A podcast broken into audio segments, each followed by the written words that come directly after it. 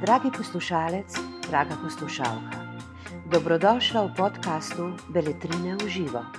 Tokrat se boste v knjigi Karla Gustava Junga Arhetipi in kolektivno nezavedno pogovarjali Tine Papič in Tomaš Simetinger.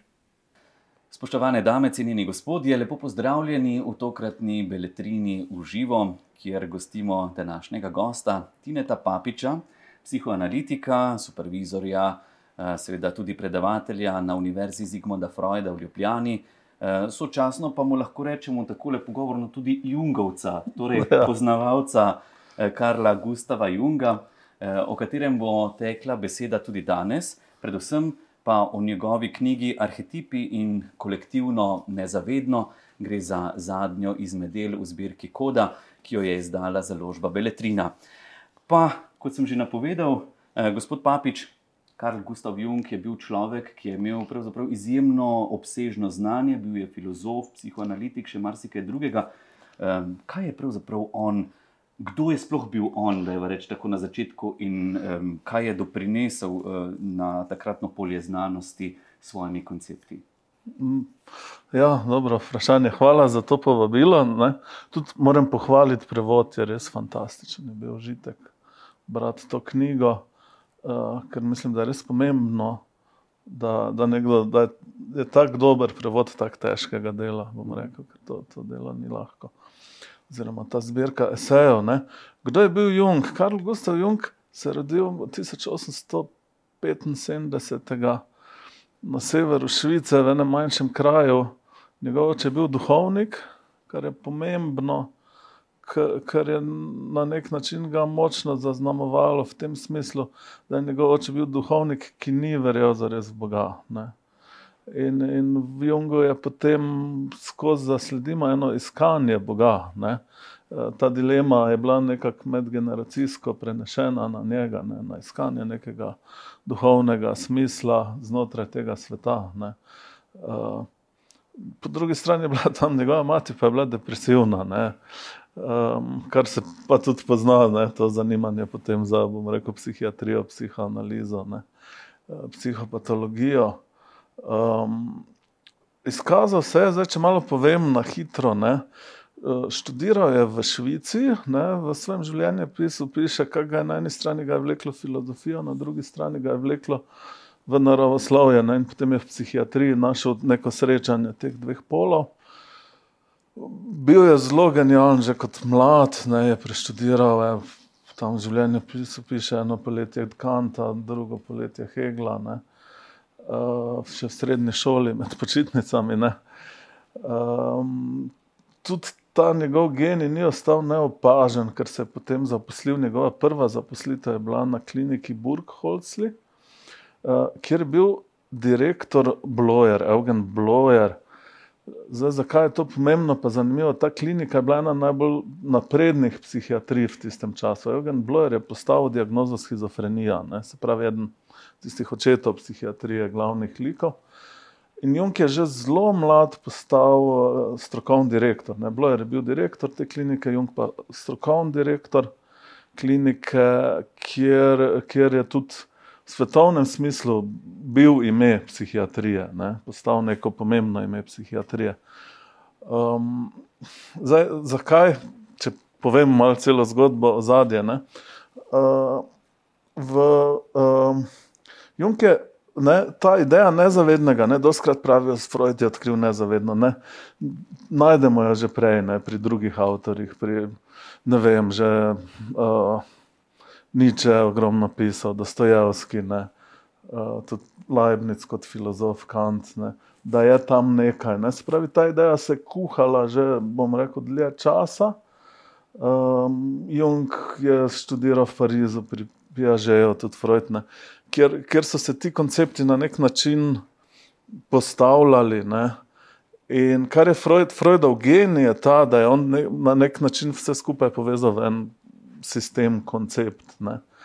Uh, Freudov problem je bil, Freud je izdal uh, tisto njegovo glavno knjigo, rekel interpretacijo sanj leta 1900. ne, tako lepa letnica za zapomniti. In v, v, v naslednjih dveh letih je predal 200 izvodov. Ne. Zdaj moramo vedeti, tisti čas so ljudje brali dosti več kot danes. Ne. Danes imamo vsi telefone, štrcamo nek YouTube, gledamo nas na podkastu. Takrat so pa ljudje res dosti več brali. Ne. In 200 knjig ni bilo nič, je pa knjiga genialna. Ne. Ampak nekako se nihče ni zavedal te genialnosti te knjige, za res. Razen par ljudi, ne. eden od teh je bil Jung in, in Blojer, ki ste jo brali in tudi poskušala izvajati psihoanalizo. S tem, da nista komunicirala s Freudom. Ne. Jung si je zgradil svojo teorijo že takrat. Ne. In zdaj, če za primerjavo, Cankar je bil uh, erotika. Ne? On je bil takrat srednji šolec, nihče ga ni poznal, srednji šolec, študent, svaliran, nihče ga ni poznal. Na priporočilo njegovega učitelja srednje šole so mu izdali tisoč izvodov, ne? ki jih je takoj 300 prodal, ostalih 700 je kupila crkva in jih zažgala. Ne? Po drugi strani Freud. Dveh letih prodati 200. V drugem jezikovnem okolju, v bistvu ja, manjše, ja, ne, ja, točno to. Nemški jezikovni prostor. Ne. Točno to, ne, tako da ne, Jungova prva, uh, Freudova prva knjiga je bila za res polom. Uh, kljub temu, da je en najbolj genialnih del na tem področju. Ne, ampak Jung je našel to, uh, spoznal ta geni ne, potem se je dolgo obotavljal, zakaj je bilo prekletstvo Freuda. Da so pravili, da ja, on ni bil psihiater in ga niso vzeli psihiatri za res, ne, on je bil neurolog in so pravili, da ja, je to neka židovska mistika in tisti krok so bili židje na Dunaju. Ne? In Jung se je tudi uh, obotavljal, ne? na kar mu je pisal, oziroma uh, tudi poslal, kar, kar je napisal, kar je pa delal Jung, sporedno je bil pa uh, asociacijski test, kjer je pa dokazal nezavedno ne? z takim znanstvenim testom. Ne? Freud ni znanstven, Freud je ne, nekako intuitivno te ideje pisal, mar se kdo misli, da je znanstven, ne, ampak ni. Ne. Znanost pomeni, da imaš nek poskus, ki ga lahko ponoviš, dobiš rezultate. In Jung ne, je na tej kliniki sta z Blorjem delala te uh, besedni asociacijski test, kjer sta dokazala obstoj nezavednega. Ne. Čisto ponovljivo, dokumentirano in izdala v knjigi. Ne. To je bilo tisto eno ključnih stvari, ki je Freudu manjkalo, ne, se pravi znanstven dokaz njegovih idej. Junga kontaktira, oziroma, ha, zdaj nisem prepričan, da je Freud ga kontaktira zaradi knjige Jung prvi, ampak vem, da mu Jung dolgo, mislim, da ga je Freud povabil na Dunaj, da mu je Jung enih sedem mesecev rabo, da mu je odgovoril, ne. ker ima neke dvome, a se bom jaz zdaj mešal s Freudom, ki je nek čuden lik na obrobju ne, on pa taka mlada zvezda uh, psihiatrije. Potem je le šel na Dunaj in pravijo, da sta se pogovarjala, ne vem, neprekinjeno dva dni, ne, taka energija je bila vse skupaj. Ko sta se srečala, uh, izjemna ta dva duhova. Uh, ne, in Jung je tisti, ki je na nek način potegnil psihoanalizo iz tega, da ni ostala neka pozabljena, bizarna ideja, ne? ampak je pri, pripeljal nek mainstream psihiatrije. Ne? Potem so jo na podlagi te Jungove knjige uh, povabili v Ameriko. Ne? In ko so v Ameriki predavali, so jih še tu potem začeli vabiti. Vse so... se uspne potem. Ja, ja. Ja, psihoanaliza, kot rečeno, vendar bi se zdaj morda malce še dotaknil. Uh, govorili ste že o vprašanju nezavednega, uh, tukaj govorimo tudi o arhetipih. Pravzaprav uvod v to knjigo, oziroma ta prva poglavja, so namenjena koncipiranju teh idej, kaj je zdaj arhetip, kaj je kolektivno, nezavedno, eh, kaj je potem tista zavest, o katerem piše, in kaj je recimo anima, ne na zadnje. Kaj so ti koncepti, ki so pravzaprav izjemno pomembni in na dolgi rok zelo spremenijo tudi ne samo psihoanalizo, ampak tudi nekatere druge veje, eh, oziroma nekatere, nekatere druge znanosti. Ja, Ne, to, to je bila mogoče ključna razlika med njima. Ne. Mislim, da je Freud skozi upal, ne, da bo Jung nekako, bi rekel, prestopil na, na njegovo stran v popolnosti. Uh, gre pa za to, da Freud je delal na tistem Dunaju, konec 19. začetek 20. stoletja. In večinoma s takim meščanskim slojem in se srečeval z nevrozami. Ne glavnem z neko potlačeno seksualnostjo, predvsem pri ženskah, ne, ki so bile zaradi tega neurotične. in je na tem zgradil celo te, teorijo psihoanalize. Ne. Freud pa je delal v tej psihiatrični bolnici z najtežjimi, ne Freud, Jung, z najtežjimi patologijami, z schizofrenijo, ne, psihozami. Kjer pa je opazil, se piše tudi v tej knjigi, ne, neke vzorce, ne, ki so zelo podobni mitologiji, ki se ponavljajo ne, v teh blodnjah teh ljudi, ne, in je na, na nek način videl, da je nezavedno strukturirano. Ne. Um, da... Na specifičen način. Ne, ja, ja. Ker pogosto ravno govori o nezavednem kot nekem na pol strukturiranem področju, kjer je sicer še popolnoma nečisto jasno. Hkrati pa opisuje primere, kot recimo opazovanje sonca, tistega mm, ja, ja, ja. enega izmed njegovih pacijentov, ko pravi, miga z glavo levo in desno in boš videl, da soncu zraste penis, recimo nekaj podobnega in potem iz tega izpelje celotno. Ja, ja, Jung piše tam, da mislim, da je bilo 1906. mu je ta pacijent prav pogled skozi okno, pa če gledaš z glavo, tako ne vidiš, kako penis od sonca maha in ustvarja veter. Ne. Potem je pa našel, mislim, da je bilo štiri leta kasneje, prvič objavljeno v enem antropološkem delu. Ne. Eh, ta mitranski obred, ne, kjer sonce sicer ne s penisom, ampak celo ustvarja veter. Ne. Uh, in Junk je prišel do tega, da je psiha ne, že strukturirana, ko se rodimo na nek način. Uh, zdaj, strukturirana se pravi, da ti instinkti niso tako kot pri Freudu. En moj profesor zunaj je rekel, Freudovec je rekel, id, ne, nezavedno po Freudu je seks, drugs in rock and roll, ne, spravi neki taki pri, primarni, primitivni nagoni. Ne. Junk je pa rekel, ne, ne, uh, ni zanikal Freuda, ne, je rekel, seksualnost je tudi en del nezavednega, ampak tu je še marsikaj več. Ne. Uh, se pravi, ti vzorci, neki, ne vem, ne, kar danes vemo. Ne, uh, recimo, Solms zdaj pride v Ljubljano predavati, uh, ne, neurolog, uh, psihoanalitik, je prišel do tega, kar je Jung, on je Freudovec, je prišel nekje po stoletjih, znanstveno do tega, kar je Jung stolet že pregovoril. Da so ti naši, rečemo, prirojeni neki instinkti, ne, patterns of behavior, tudi pravi nekje Jung, dosti bolj kompleksni kot samo neka tako preprosta, nestrukturirana, rečemo, seksualnost, pa lakota. Ne? In to je ta primarna razlika. Ne? In Junk je pa rekel, zdaj, kako lahko najdemo te vzorce, kako je nezavedno strukturirano. Odsevajo se v mitologiji, ne? v pravljicah, v sanjah. Ne? In, in uh, to boste vi boljše vedeli. On, on je rekel, ne. Pravnice bo še dotaknila, da bo tako hitro tja. Ja, ja, če se ja. malce vrnemo k tistemu primarnemu vprašanju, malo smo že nakazali, ne? sonce in peni, sonce in cel, pa ta veter, tu že nakazuje na tisto idejo o arhetipih. Ne? Če se dotaknejo tega, kaj pravi Jung, naj bi arhetip torej bil. Zdaj, ne, en članek obstaja, ko je en celega Junga, rečemo, pravi, iskal vse definicije in našel šest definicij arhetipov. Ne? In Jung tudi nekje pravi, jaz ne vem, kaj so arhetipi. Ne? To je za prihodne rodove, da, da povejo. Ne? Se pravi, Jung na nek način zvito ne da čist jasnega odgovora. Ne?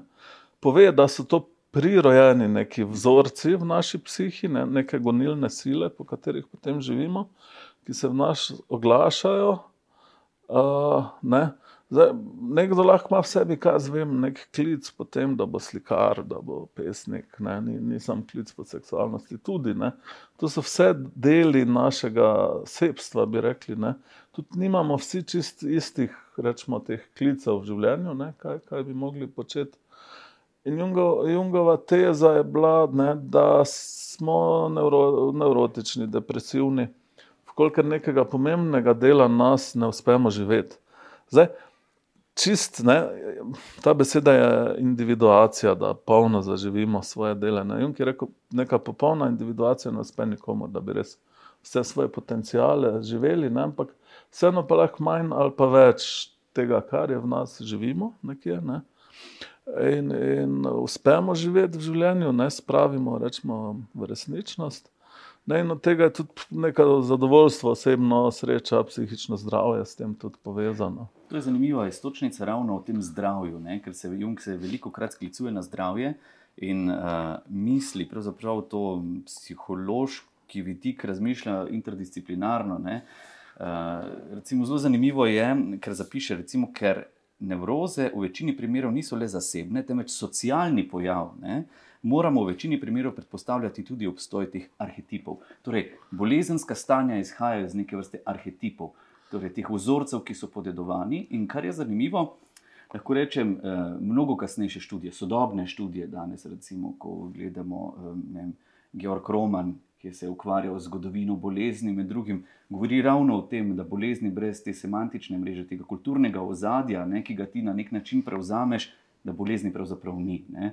In tu se zelo jasno vidi Jungovo stoletje pred tem, kaj on opozarja in kaj se zgodi recimo v sodobni vem, etnologiji, eh, psihologiji in tako naprej, semantiki in tako dalje. Tako da tukaj govorimo res o enem takem prelomnem konceptu tega arhetipa, in sočasno se tu pojavlja vprašanje eh, neke vrste arhetipskega determinizma. Do kakšne mere smo tukaj determinirani, če smo mi podedovali neke arhetipe. Ja, ne. En, eno je ta ideja, če se arhetipe, o katerih piše, ne, se pravi, neka podoba, neka pravljica, nek mit, ne, uh, ni arhetip. Ne. Uh, to Jung zelo, zelo jasno pove. Ne. Se pravi, arhetip je nek vzorec, ne, tak, če bi poenostavljeno povedali, kot DNK je načrt, še nismo mi. Ne. Ampak načrt, kako mhm. se človek udejani, in ravno tako ima psiha neke načrte, uh, ne, ki se tudi sprožijo in odvijajo v nekem trenutku, tako podobno kot odrastemo in živimo, uh, ki se udejanijo ali pa se ne udejanijo. Ne. Tukaj pravi, ko, ko se neke stvari tudi zaradi družbe ne morejo udejaniti takrat se neurotiziramo. Uh, ampak sam na sebi, ne, na nek način, ne moremo reči, da ga ni, ampak ni, ni nekaj materialnega. Ne. Uh, arhetip se zgolj odraža v življenjskih zgodbah, v življenjskih situacijah, v, ali pa v mitologiji, ne, ali, ali v pravljicah, ali v sanjah, ali v nekih podobah. Ampak se deduje, ne? on to eksplicitno reče. Uh, ja, ne? Ne, se, sam piše, da to je naj, naj, najslabši razumljen koncept. Uh, mislim, da je bil Murray Stein, psihoanalitik ameriški, rekel, da je Jung najbolj zlorabljen mislec 20. stoletja ne? s tem New Ageom. Jung eksplicitno reče, ne? ni tam ni neko nezavedno. Ne? Uh, kaj zvem, ne, on pravi, da se deduje. Ne, se pravi, to ne pomeni, da je zdaj neko skupno morje, kot si marsikdo predstavlja. Ne. Ampak ne, nek, nekaj, kar je nastalo skozi evolucijo, neki vzorci obnašanja, zelo kompleksni in se dedujejo in so nam skupni. Ne. Zdaj, on pravi, kako vemo, da nam je nekaj skupno, so pa ravno miti, ker se nas vse, vse dotaknejo. Če, če napišeš neko zgodbo in nima nekega arhetipskega jedra, se ljudi ne bo dotaknila ne bo obstala skozi zgodovino. Ne? Se pravi, vsaka pravljica, vsak mit, pa, pa nekje resonira z ljudmi, z njihovim nezavednim, z psiho. In je rekel, skozi to se tudi vrstva, ne? skozi to se na nek način. Eh, šči, rečemo, ščisti to, kar je arhetipsko. Ne? In potem ne, on skozi študij mitologije, skozi študij vrste, skozi študij pravljic, eh, prišel, ra, poskušal razvozlati kako je strukturirano, nezavedno. Ravno tukaj je izjemno zanimiva knjiga, ker eh, ko piše o konkretnih arhetipih, o materi, o dvojnem rojstvu, o duhu, recimo v pravljicah ne, in še kaj drugega, o mandalah. Naprimer, je izjemno zanimivo ravno to, uh, to razumevanje uh, različnih področji, ki so vse prej kot samo psihološka. Ne, tukaj izhaja iz zgodovine, izhaja iz religiologije, različna verstva primerja med sabo, izhaja iz antropoloških podatkov različnih uh, ljudstv, uh, od severnoameriških staroseljcev do evropskih in tako naprej. Tako da tukaj je bil Jung um, zelo, zelo zanimiv po svoji izobrazbi, ker je kombiniral um, zelo nenav, za svoj čas nenavadne podatke. Ne? Ja, ne, marsikdo bom rekel, pravi, se strinja, veliko strokovnjakov, da je bil nekje sto let pred svojim časom. Ne. Da je zdaj ta čas njegovih idej, ne, ki doskrat prihajajo kot ne njegove, ne, se pravi, nekdo na novo odkrije, vse ima neko vrednost, če zdaj en Solms še ta nevrološki del te zgodbe najde. Ne. Uh, ena od teh idej je ravno ta strukturiranost. Ne. Uh, v 20. stoletju, vsaj v prvem delu, je veljala ta ideja tabule rase. Ne, se pravi, da je človek nepopisan list ne, in potem se nekako oblikujemo skozi vzgojo in vse. Ne. In Jung je pač v začetku rekel, da ni res, ni res pač iz opazovanja. Ne. Je rekel, nezavedno je strukturirano, rekel je, ne vem, kako se prenaša to. Ne. Danes vemo, ne, da ima evolucija ne, svoj način. Takrat so rekli, da DNK se ne spremenja, danes vemo, skozi evolucijo se spremenja, ne, mogoče ne tako direktno, kot bi si kdo naivno predstavljal. Ampak ne, vsi ti vzorci se nekako zapisujejo. Ne. Zdaj, ravno to vprašanje, ne, Jung, da je našel, ne, je iskal projekcijo teh stvari, ki, ki se projicirajo v veri, v miti, v zgodovini, v umetnosti. Ne.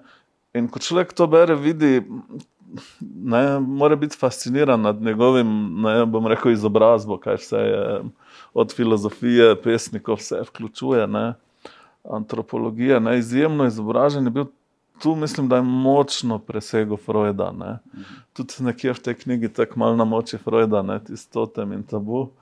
O veri, malo tako v par stavkih pove, kaj, kaj je vse že v, v osnovi narobe ne, da, da gre za neko Freudovo fantazmo, kako so včasih živeli. Junki le črpal z antropologije, kako kak so živeli včasih, je šel v Afriko, živel s plemeni.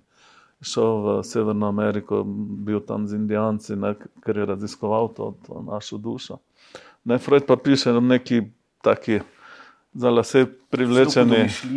Domišljiji. In, in Jung pravi, da prva stvar, ne smemo se prepustiti naši neki domišljiji, kak je včasih izgledalo. Mogoče... Ampak ravno tu je pa Jung malce nedosleden. Ne? To pa moramo priznati. Ne? Da sicer izredno veliko podatkov upošteva. Na drugi strani pa, eh, ko reče, ne smemo se prepustiti domišljiji ali pa nekaj subjektivnemu mišljenju, ne? Se pa pogosto eh, pri interpretaciji podatkov sam podaja ravno na to polje, da sam precej arbitrarno eh, nekako interpretira stvari. Recimo, če smo malce bolj konkretni, ne, on govori o številu 4 in 3 kot totaliteti, nadrejeno, podrejeno in tako naprej, um, kot en, zgolj eden izmed mnogih primerov, ki bi jih lahko videli. Tako da tu, kar se te metodološkega pristopa, Jung morda ni čisto stoprocenten. Uh, mm. Ja, to je dobro vprašanje.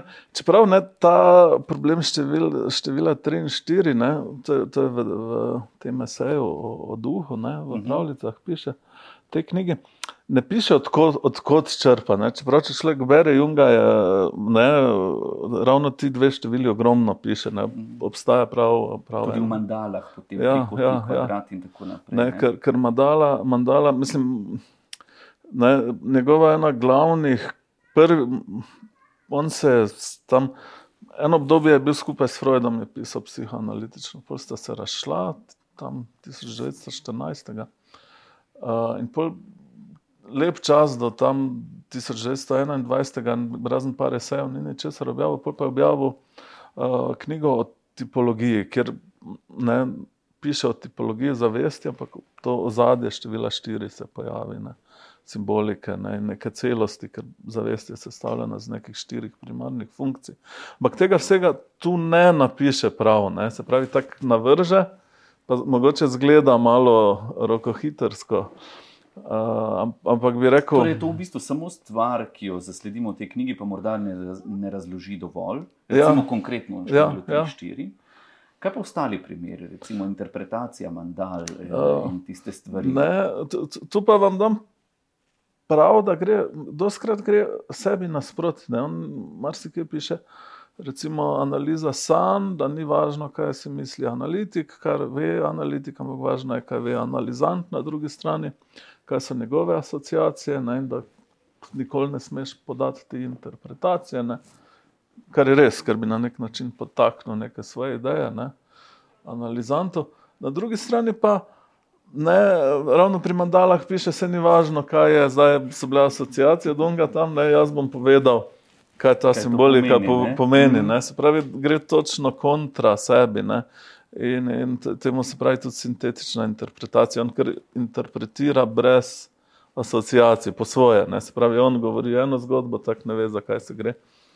Jaz bom pa povedal, kaj, kaj je prav, pa res. Ne? Ja, ne? In, in, kar piše Juncker, uh, o, o teh nasprotjih, veliko piše. Ne? Uh, in, uh, to je zelo ena glavnih tem njegovega življenja, so nasprotja, ne, ki jih najdemo tudi v tej knjigi. Ne, doskrat deluje nekoherentno, ne, na eni strani zelo, zelo naravoslovno razlaga te arhetipe, ne, pa v kakem drugem meseju pa zelo mistično. Ne, kot fenomenološko gleda, ne, recimo, ne bom rekel problem, ampak fenomen anime. Ne, On pravi, da ja, ne, nekako naravoslovno tega ne moramo zagrabiti. Ne. Ampak pravi, kot fenomen sem, sem jo pa opazil, ne, v delu se pojavlja, v sanjah se pojavlja, v umetnosti se pojavlja. Spravi, kot fenomen obstaja. Ne, in potem naredi on nekje tudi ta, bom rekel, nek ontološki obraz, ker pravi, da če nekaj obstaja v psihi, ne, ne moramo reči, da ni res. Ne, kar mi doskrat razmišljamo. Ne. Se mi smo v tem svetu, materialnem, ti stanima, kar nekaj je, pa ni, ne, ampak on pravi, ne, je zelo realno. Ne. Ko delaš kot psihoanalitik, vidiš, da ne, na nek način ta nezavedno svet arhetipov ustvarja ta svet. Ne. Spravi, ena anima še kako vpliva na življenje nas ljudi, ne, o, o, popolnoma. Ne. Uh, ampak ta naš materialistični pogled pa mogoče pravi, Uh, se tistega ni. Torej, zelo materialno razmišljamo in zanimivo je pri Jungu ravno to uh, prepletanje. Ne? On je še ja. vedno po eni strani zelo pozitivistično usmerjen znanstvenik svojega časa, pozitivizem je takrat bil seveda izjemno močan, po drugi plati pa rad zajadral na to polje, kar ne vem, če ravno pravi, recimo temu reči mističnosti. Eh, da malce posega po nekaterih eh, pogledih, ki so se zelo odmikali od eh, tistega, bom rekel, malce bolj materialno usmerjenega načina razmišljanja, in vmes se pojavlja fenomenologija, ki je bila pravzaprav v tem času pa še bolj v zametkih. Ja, ja. To, to je tudi. Ne. Spet ta dvojnost Junga. Jung pravi, jaz nisem filozof, ne. jaz sem zdravnik. Uh, istočasno pa uporablja fenomenologijo, ki je šele nastajala. Ne, in se spomnim, enkrat je prišel Joe Cambrai iz Princetona, profesor je predaval tu na filozofski fakulteti, pred njim je pa imel profesor Uršič, filozof. Predavanje in je sam rekel za njega, da je eden največjih fenomenologov 20. stoletja, ne, kot filozof. Ne, se pravi, po svoje uporabi fenomenologijo, ki je bila takrat, ne, to je bilo, ne, Heidegger je takrat še le pisal svoje stvari. E, on, on to čisto uporabi v svoji teoriji, seveda pa na en svoj način. Ne. Doskrat rečejo danes, kakšni filozofi, fen, fenomenologi, a pa se to ni, ne, tako danes to, da imamo. Seveda ne, ne, ker je bilo takrat na stanju. In on istočasno se nima za del te tradicije, po drugi strani jo pa ustvarja. Ne. Se pravi, mhm. taka, taka dvojnost Junga, ki se dosti krat pojavlja. Ne. Jaz nisem filozof, Jaz sem zdravnik, pravi, istočasno pa je ogromno filozofije ustvarjal. Ravno tu se morda najbolj vidi, um, pa se meni se je zazdelo, da to najbolj izstopi v poglavju o pravljicah, torej takrat, ko piše o duhu, ne, o fenomenologiji duha in potem nek, na nek način ni za te tipe, kako se duh pojavlja kaj sploh naj bi to bilo, ali je to samo veter, ali je to nek hladno občutek, ali gre to za neko mistično razsežnost. Ne? In na, na niza serijo različnih pojavov, ki so pravzaprav zelo raznorodni, hkrati pa to ravno jemlje kot dokaz za arhetip, ne? ki se potem odslikava v posameznih ja, pravljicah. Ja, ja, ja. Ne, on pravi, arhetip ne vse skozi zgodovino. V, ne, se tu pravi, to je spet ta dvojnost. Arhetip se pojavlja skozi tisoče pravljic in zgodb. Ne? Pa je rekel, da na nek način to nasprotuje tej ideji tipa, ne? če je vsaka pravljica drugačna. Ampak tisto jedro, če, če pa gremo v neko jedro, pa lahko najdemo, da so pa tisti osnovni vzorci pa enaki, se pa ponavljajo v različnih preoblekah, ne? kulturnih preoblekah. Se pravi, en, ideje, pravljice, zgodbe, ne? vse posod, katero koli kulturo bomo šli bomo našli sporednice. Ne? Ni, čeprav se nam zdijo neke kulture čisto drugačne, pa ko se človek res poglobi, vidi, da je dosti več sporednic. Ne? Kot, uh, recimo, ni kulture brez nekih bogov, ne? ne, nekega božjega. To je nek univerzalizem. Ja. Uh, recimo, ali pa ko so raziskovali, to ste tudi vi vedeli. Recimo, ideja lastnine, uh mhm. -huh. vse posod obstaja. Spravi ta kontraideja, ki je tudi arhetip, ne, nekega bomo v komunizmu, bomo ne, brez osebne lastnine. Ne, uh, Kako bi rekel, ampak je ne najdeš nikjer, ne, za res, če greš raziskovati. Um, ne, zdaj, zakaj gre? Očitno je to prirojeno. Ne. Stevens, začetnik evolucijske psihiatrije, piše, že tam plazilci, krokodili imajo neke teritorijalne boje za, za svoje območje lova. Ne. Se pravi, to je nekje globoko v naši genetiki. Ne. Um. To, kar ste prej rekli, je eh, posebej zanimivo, eh, da se to pač odslikava v različnih kulturah ali pa tudi z različnimi pogledi, ne, te vprašanje arhetipov in duha in tako naprej. Eh, ko sem pred nekaj časa bral, pravzaprav ravno tako pri Beletrini izdano knjigo Zmaga Šmitka, Zeleno dno našega kozmosa, to zelo lepo sovpada s tem, kako on uh, koncipira tega duha, oziroma ta bitja povezana z duhom, potem v pravljicah. Ne? Kar Šmitek na eni strani govori, tam so neka bitja, ki so povezana s konceptom zelenega, z divjostjo, uh, so zelene barve, to so bitja, ki prihajajo iz, iz, iz neke divjine, iz nekega kaotičnega sveta, ki je zelo um, hostiln človeku. Iz podzemlja, pogosto tudi. Ne? Na drugi strani imamo pa tu Junga, ki mnogo pred njim že govori o tem, da so to vendarle to neka bitja, ki prihajajo iz nezavednega, oziroma nekako so povezana s tem arhetipom, s tem nezavednim. Ne?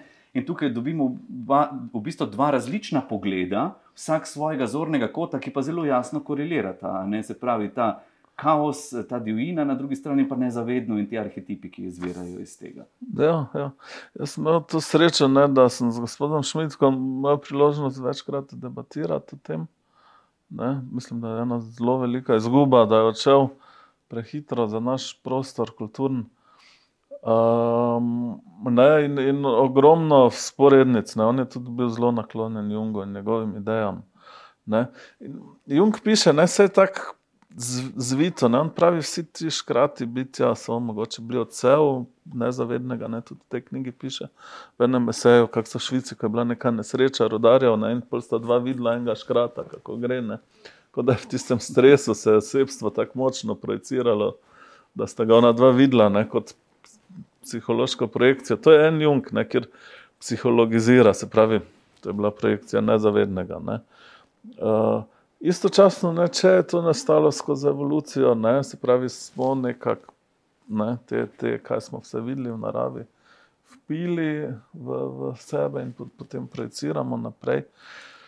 To je ena plat Junga, zelo bom rekel, tako pozitivističen znanstven pogled. Polje pa druga plat Junga, pozni Jung, ker pa je odvrgel nekje znanosti, rekel, ker ga omejuje, ne, ker pa je predvsem mističen, ker se pa naredi eno brat, pa pravi, ja, Kaj pa če je tisto res, ne, pa je ta svet en privid. Ne, se pravi, da je to spet ta dvojnost, kjer on skače v, z enega v drugo, brez med dvema, mogoče na videzno različnima poloma. Ne, na eni strani je nek materialističen tak svet, ne, kjer je psiha samo ena otvara, pa projekcija, na drugi strani pa pravi, kaj pa če je to res, ne, in je ta svet samo ena projekcija. Ne.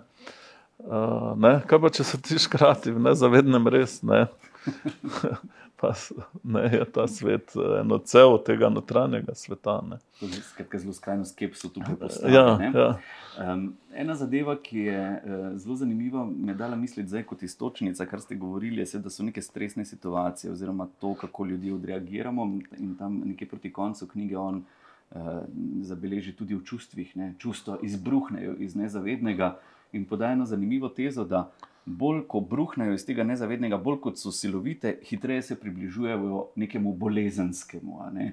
torej nekemu nekontroliranemu, tako nekako formulira eh, to idejo. In to je ravno zanimivo, zakaj bi on to umestil, ta bruhanje čustev, kot nekaj, kar se približuje bolezenskemu.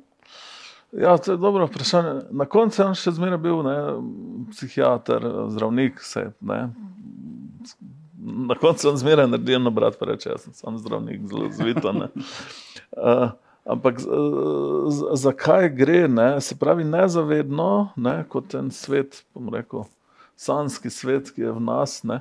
mi imamo obrambne mehanizme, uh, ki preprečujejo, da bi te stvari, ne?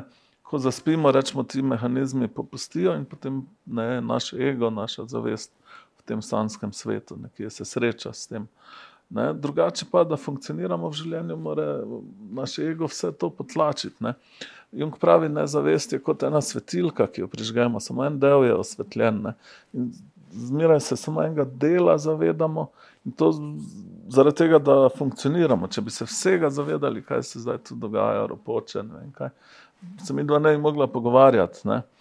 Uh, kar, kar pa se dogaja ne, pri, pri patologijah, ne, je, da, da lahko ti mehanizmi popustijo, ne, spravi pri psihozah, pride do nekega vdora teh vsebin v naš ego. Ne, spravi mi naenkrat sanjamo budni, ne, vidimo stvari, ki jih ni, ali pa so neka čustva, občutki, ne, nekdo nas preganja in tako naprej, uh, zelo močni. Ne. Sej, zmeraj je kontinuum. Zmeraj, doskrat imamo v tem času zelo pogosta neka anksioznost, kjer se ne zavedamo čisto česa nas je strah. Ne. To je taka ena izmed patologij te dobe, ki je zelo razširjena.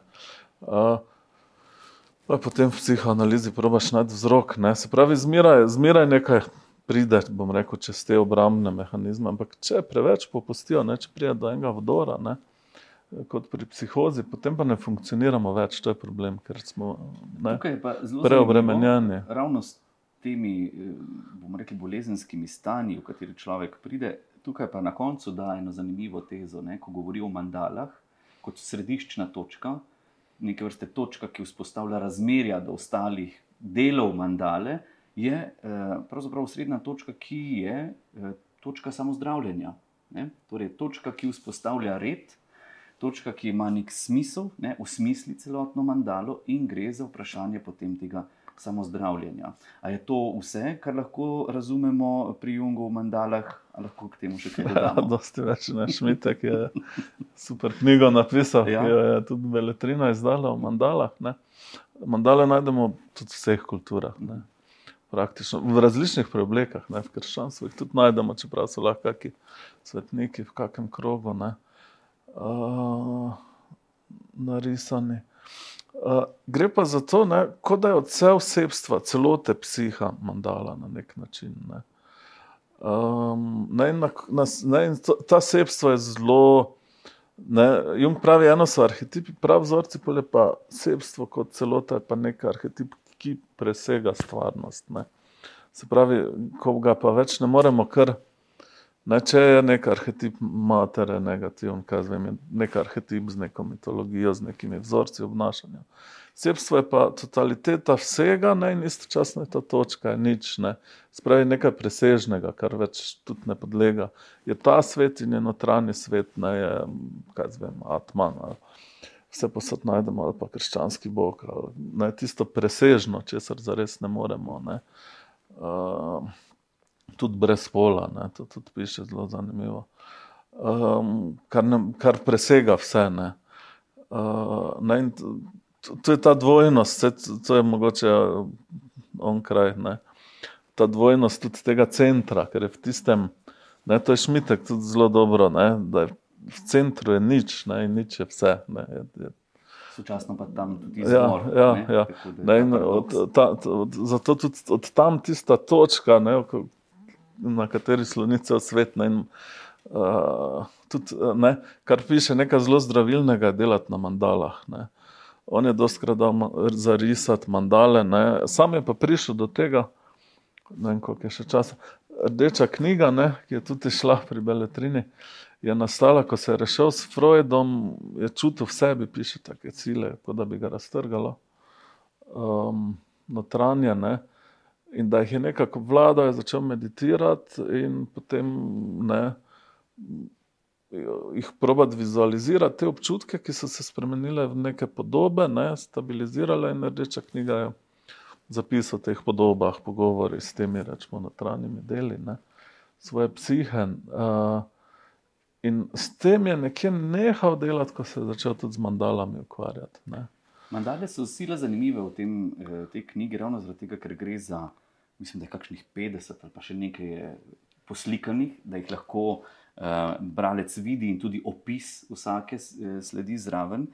Uh, morda sem hotel uh, s tem vprašanjem nakazati še na en pomemben proces, ki ga Jung uh, izpostavi in ga ravno pri mandalah uh, morda najbolj nazorno vidimo, to je to vprašanje individuacije. Ne? Kaj je ta individua individuacija, uh, ki se dogaja in kako se to, kakšen je to odnos do arhetipa?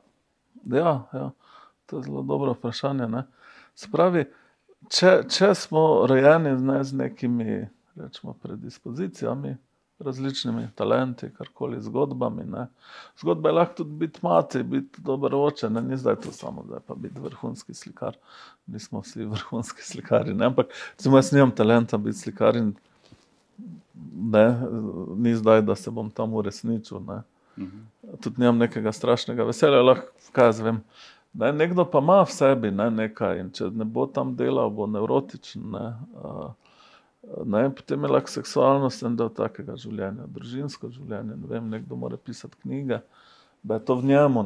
Doskrat se spomnim Henry Miller, ki piše, da se je počutil noseč, ne, da se je na avtobusu celo nekdo stal, da se je lahko sedel, ko je knjiga v sebi nosil. Uh, se pravi, ne, hvala Bogu, smo zelo različni. Ne, to je ena ta pisanost sveta z različnimi zgodbami, recimo, ki jih moramo čim bolj uresničiti, živeti. Ne? Mandala je lahko en simbol te celosti naše psihe, ne? različnosti, različnih delov naše biti. Uh, in individuacija bi bila, da uresničimo čim bolj te različne dele nas. Uh, to je ta jungovska ideja. Pravi, zdaj, če bo pa nekdo samo v enem polju svojo energijo dal, ne, pa nekaj drugega zanemaril, se ne bo zares uresničil. Ne? Če bo nekdo cele dneve v službi, pa bo žel, drugo življenje trpelo. Ne? Vprašanje je, če se je uresničil. Ne? Uh, ne, in to je ta ideja individuacije, a skozi življenje rečemo, čim bolj živimo to, kar nam je bilo nekje podarjeno na začetku. Ne. Sledimo temu, podamo, podano, ja, ja. ki se rojevajo. Zibalko, Zdaj pa je seveda v tem To, to je zelo dobra misel, je, je napisal italijanski kolega Luigi Zoja, ene privatne konverzacije. Uh, pa tudi v Italiji en članek o tem objavil. Uh, tudi psihoanalitik in antropolog. Kaj je problem tega časa? Ne? Te potrebe mi najdemo skozi imaginarno, skozi fantazijo, ne? skozi naše želje. Ne? Ta svet pa nas preplavlja s fantazijo od zunaj, s podobami od zunaj. Ne. Nikoli v zgodovini ni bilo toliko podob, ki bi se, ne, vsi na teh telefonih, tam je vse mogoče, od seksa do vojne. Ne, včasih tega ni bilo, ne, in včasih si se ti srečal z lastno psiho, z lastnimi podobami in tam našel sebe. Ne, ker so bile to res tvoje lastne podobe, želje, fantazije. Ne. Danes pa se ne smo bombardirani z željami, fantazijami, kaj bi mogli biti, kaj si moramo želeti, kako bi mogli od zunaj. Ne? In to je izvor mnogih, bom rekel, mnogega trpljenja v tem svetu. Ne? Ker to ni naše, ne? in potem smo nevrotični, depresivni, brez energije. Ne? Bi lahko rekli, da zmanjkuje prostora za človeka. Ja. Ja, da, da dejansko. Ja, mogoče zmanjkuje prostora za animo ne? za animo. Ne, za dušo, ne, za to naše notranje, za, ne, kjer bi se našli. Ne. Tako kot pravite, na koncu človeka. Ne, ne. Dejva za konec še eno vprašanje si postaviti eh, za naše eh, gledalce. Eh, zakaj naj nekdo vzame v roke to knjigo Arhetipi in kolektivno nezavedno in kaj mu bo prinesla? Huh, Jaz, ko sem ne, šel zdaj brati še enkrat, se mi zdi prava poslastica. Ne. Začne se s tistim prvim esejem, ki je tako en tour de force, junga. Ne. E, ko, ko naj se nihče ne prestraši, ker je izredno težko razumljiv. Ne. Se je treba pregristi čez prvih, ne vem, koliko je to zdaj. Ja, ja. Ampak ogromno da, ne, ogromno da. On tu odgovarja na to, to ni knjiga zdaj o psihoanalizi, uh mhm. to je knjiga o svetu samem, ne? o, o stvarstvu, kako funkcionira, kaj, kaj, ne, kaj, kaj je božje, kaj je človek, kaj je ta svet sploh. Ne? In tudi zelo, v enem trenutku ti postane tudi zelo političen. Ne? Kjer pravi, kako ti arhetipi ravno tam obsojajo, tisti čas, leta 34, kako ne, so ljudje obse, postali obsedeni s tem kolektivnim. Rekel, let, on takrat obsodi nacizem.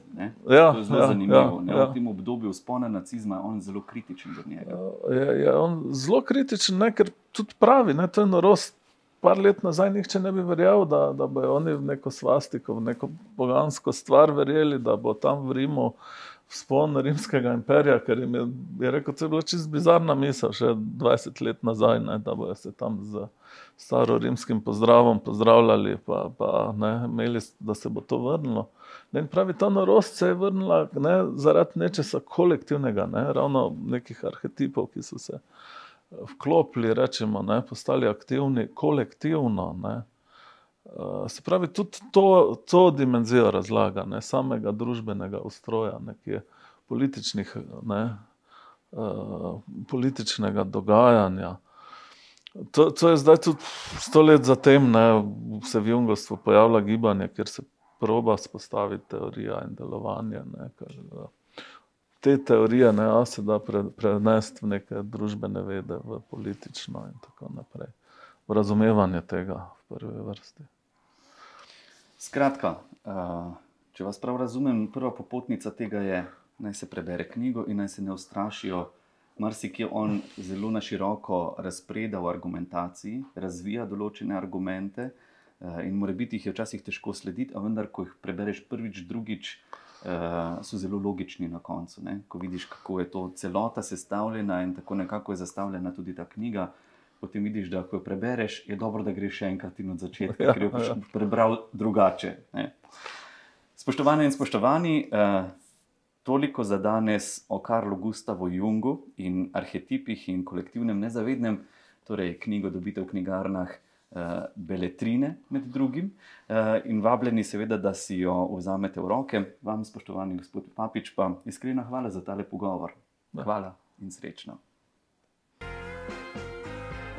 Najlepša hvala za vašo pozornost. Za več knjižnih vsebin vas vabimo na www.beletrina.si in v našo knjigarno na Starem trgu 3 v Ljubljani.